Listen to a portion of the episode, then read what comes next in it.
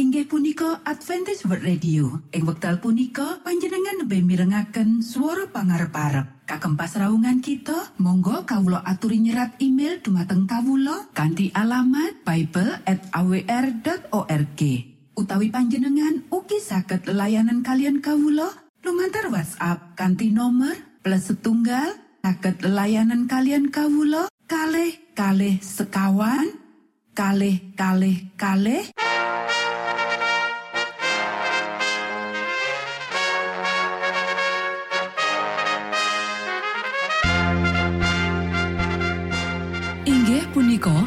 Adventis World Radio ingkang giaran kanti basa Jawi. Tentrem Rahayu Kulo aturaken kagem poro Mitra kinasih ing pundi papan lan panggonan. Sugeng pepanggian malih kalian Adventis World Radio. Kanti bingahing manah Kulo badi sesarengan kalian poro Mitra kinasih lumantar saperangan adicara ingkang sampun rinonci mligi kagem panjenengan sami. Mugi giaran punika saged migunani tuwin dados berkah kagem kita sedaya. Sugeng midhangetaken Gusti amberkahi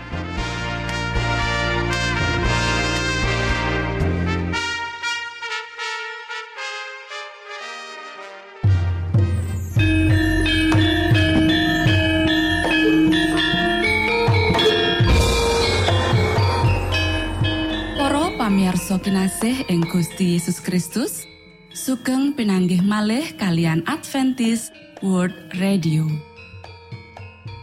Ing wekdal punika kita badi sesarengan ing adicara ruang kesehatan. Ingkang saestu migunani kagem panjenengan soho kita sami. Tips utawi pitedah ingkang dipun aturaken ing program punika tetales dawuhipun Gusti ingkang dipunnyatakaken ing kitab suci. Semantan ugi sakehing seratan ingkang dipun wangsitaken dening Gusti Allah.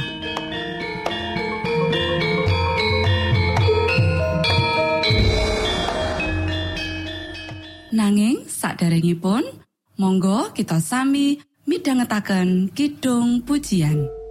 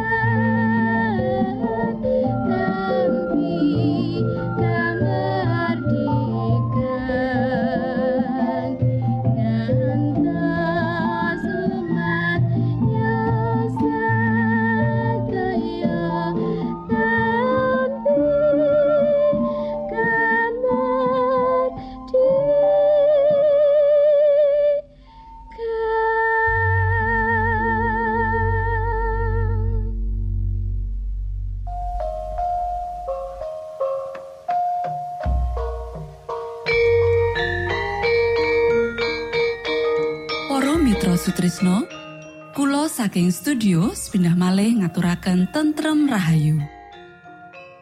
Puji syukur dumateng Gusti ingkang murbeng dumati ingkang sampun kepareng paring wewenngan kagem kita. Satemah saged nglajengaken ruang kesehatan. Pirembakan kita semangke kanthi irah-irahan. Panganan panutup gula perangan kapindo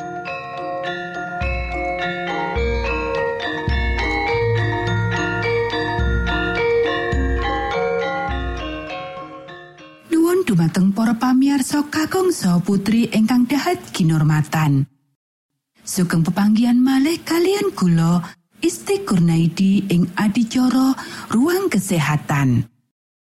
Ing dinten punika kanthi irah-irahan panganan panutup gula perangan kapindo. Para sedherek ingkang kinasih, pirang-pirang taun kepungkur aku ngaturake paseksi panguwuh marang para pemimpin kemah. Dheweke nggawa lan ngedol keju lan bahan ngrusak liyane. Padha atul permen nalika aku mbudidaya menehi pitutuh marang wong enom lan tuwa kanggo nglebokake dhuwit panuku permen ing pundi-pundi misionaris. Satemah mulang pocah-pocah nyelaki awake dhewe. Aku wis kaparingan pepadang babagan daharan sing kasedia ing perkemahan kita. Kadangkala dheweke nggawa panganan menyang papan perkemahan. Panganan sing ora cocok karo prinsip reformasi kesehatan. Para sedherek ingkang kinasih, Menawa kita arep lumampah jroning pepadang kan diparingake dening Gusti Allah marang kita, mila kita kudu didik jemaah kita nom lan sepuh supaya nyingkirake panganan kang mung marnake nepsu. Anak-anak kita kudu diwulang nyelaki awake dhewe lan nolak barang sing ora perlu kayata permen, permen karet, es krim lan panganan liyane. Carake padha nglebokake dhuwit panyelaan diri ing kas misionaris. Peti kaya iki kutu ana ing saben omah. Kanthi cara iki, jumlah cilik lan gede bisa diklumpukake kanggo pakaryane Gusti Allah. Para sedherek ingkang kinasih, ora sedidik jemaah kita sing butuhake pitutuh babagan prinsip reformasi kesehatan. Ono maneka warna permen sing diatekake dening pabrik panganan sehat lan dinyatake ora mbebayani. Nanging aku duwe paseksi kang beda karo wong-wong mau. Ora bener yen iku nyihatake. Ora dianjurake kanggo digunakake. Kita kudu tetep nganggo panganan sing prasaja, sing kalebu woh-wohan, wiji-wijian, lan sayuran, lan kacang-kacangan. Para sedherek ingkang kinasih, Ojo nggawa permen utawa panganan liyane sing lawan cahya reformasi kesehatan menyang perkemahan. Ojo ndelikake godaan nafsu banjur ujar menawa duit sing dipikolai saka tutulan barang kasebut bisa digunakake kanggo nyengkuyung tumindak sing apik. Kabeh godan kuwi kudu ditampik kanthi mantep. Luweh-luweh ngenani marmake awake dhewe. Ojo nganti mbujuk awake dhewe kanggo tumindak sing ora ana gunane kanggo wong liya. Ayo saben kita padha sinau apa tegese dadi misionaris sing nyelaki diri aktif nanging sehat. Kula ing daharan Ellen G. White. Kabeh prasaja nanging sehat amarga mung dicampur jroning kahanan kesusu. Kita ora nyelehake gula ing meja nedha. Saus sing dikarepake ya iku saus apel, dipanggang utawa digodhog ditadekake legi sak perlune sak durunge dicawisake ing meja nedha. Kita tansah nggunakake sedidik susu lan sedidik gula. Kita ora tau nglarang iki kanthi tulisan utawa ing khotbah. Kita percaya bilih kewan bakal nandang akeh leloro lan panganan iki bakal ditinggal. Nanging, wektu durung teka kanggo buang susu lan gula saka meja nedha kita. Matur nuwun Gusti amberkahi.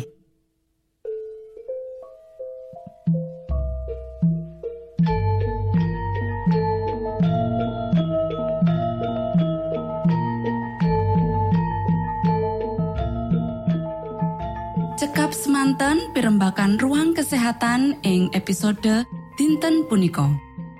Mugi pisegahan punika saged migunani kagem kita sami.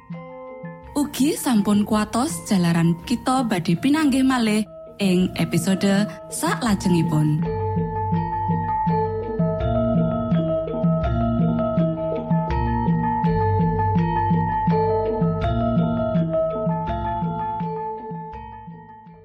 Inggih punika adicara ruang kesehatan.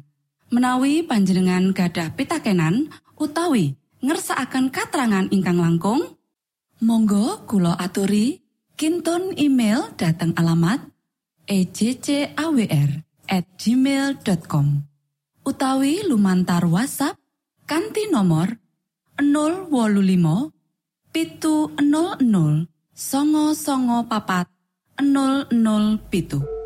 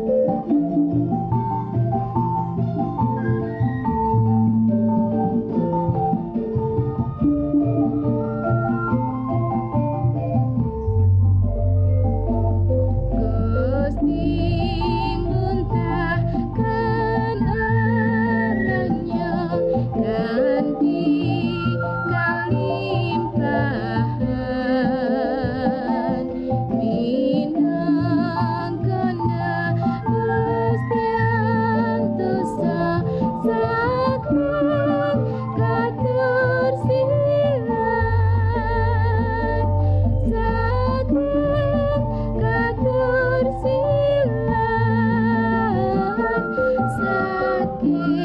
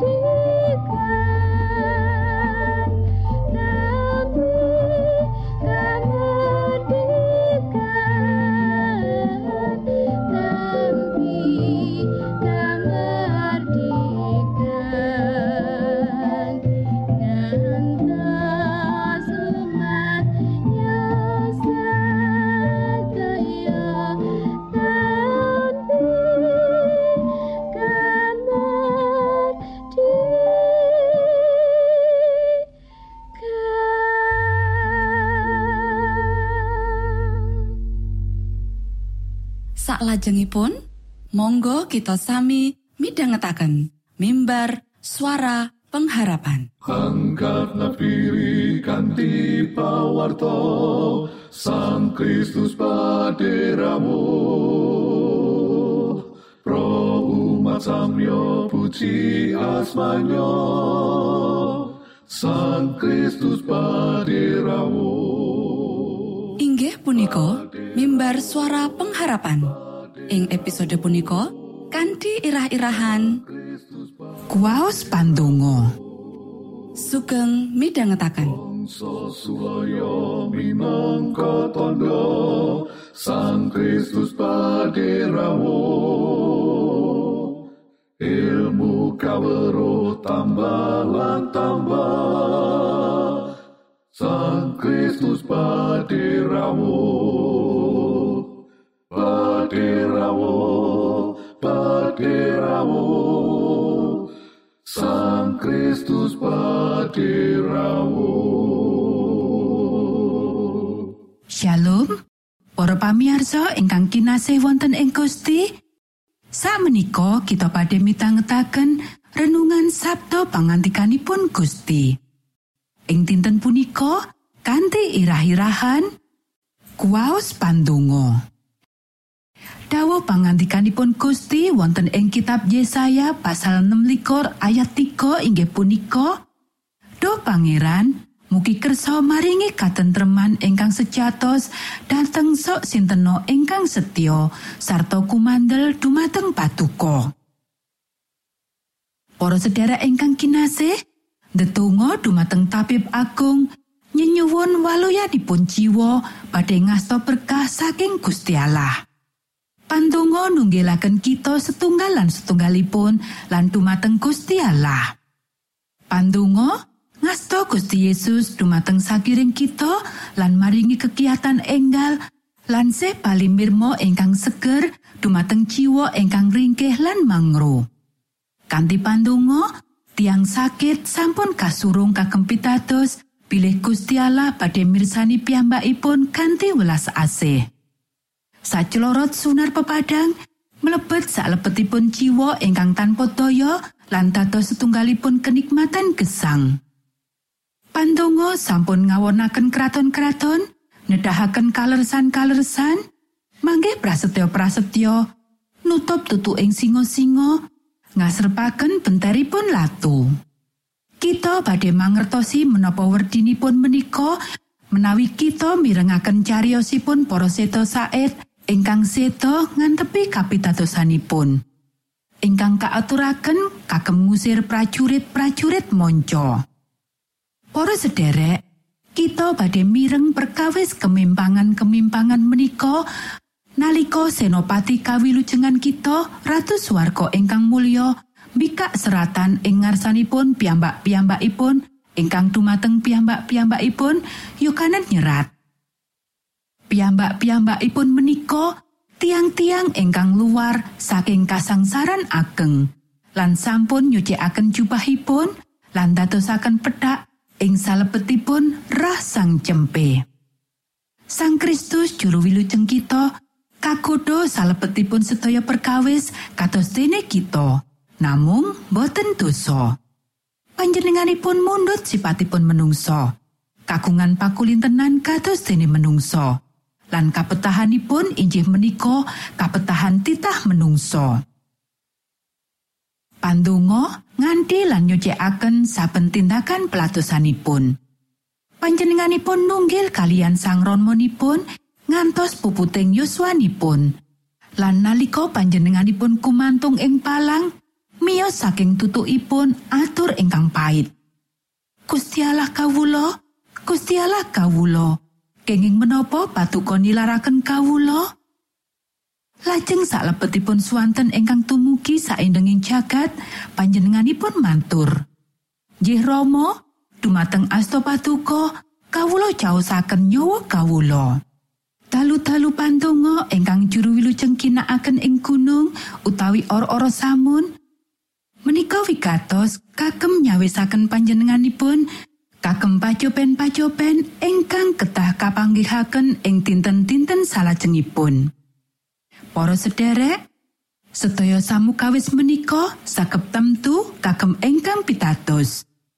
Boten setunggal tiang kemawon ingkang sowan dumateng Gusti saklebetipun mana ingkang tulus badhe kuciwa. Kados pundi neng semaken menawi pandonga kita dipun mirengaken. Pilih titah ingkang tuso lan boten pantes nggadahi kegiatan ngaturaken panjuwunanipun dumateng Gusti Allah. Kita ngunjukaken atur-atur ingkang ngantos dampar kraton jagat raya. Monggo kita sami ndedonga. Duh Rama kawula ingkang wonten ing swarga, asma patuko mugi kasucikaken. Kraton patuko mugi rawuh. Karso patuko mugi kalampahan wonten ing bumi, kados dene wonten ing swarga. Kawula mugi kaparingan rejeki kawula sak cekapipun ing dinten punika. So patuko mugi ngapunten kalepatan kawula kados dene kawula inggih ngapunteni tetiang ingkang kalepatan dhateng kawula. Punapa dene kawula mugi sampun ngantos katantukaken dhateng ing panggoda nanging mugi sami patuko uwalaken saking piawon. Awit dene patuko ingkang kagungan kraton saha wiseso tuwin kamulyan salami laminipun. Amin.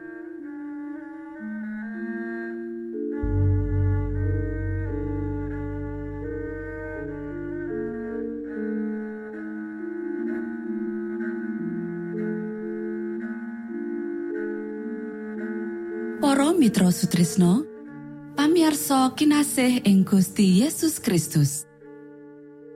Sampun paripurno pasamuan kita ing dinten punika. Inggih awit winatesipun wekdal pramila kita pisah sawetawis. Menawi panjenengan gadah pitakenan utawi ngersaakan seri pelajaran Alkitab suara nubuatan Monggo Kulo aturi kinton email dateng alamat ejcawr at gmail.com utawi lumantar WhatsApp kanti nomor 025 pitu 00 songo songo papat 00 pitu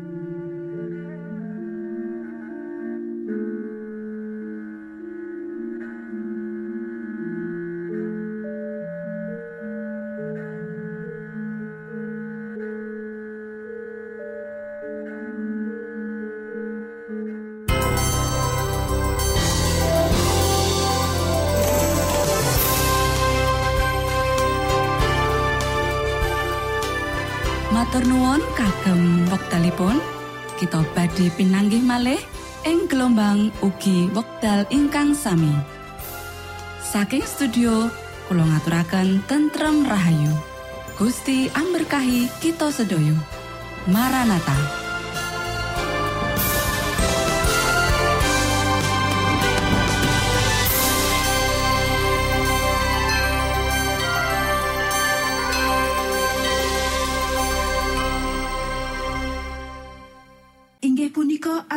World Radio. Ing wekdal punika panjenengan lebih mirengaken suara pangarep-arep. Kagem pasraungan kita, monggo kawula aturi nyerat email dumateng kawula kanthi alamat bible@awr.org. Utawi panjenengan ugi saged layanan kalian kawula lumantar WhatsApp kanthi nomor plus setunggal saged layanan kalian kawula kalih kalih sekawan kalih kalih kalih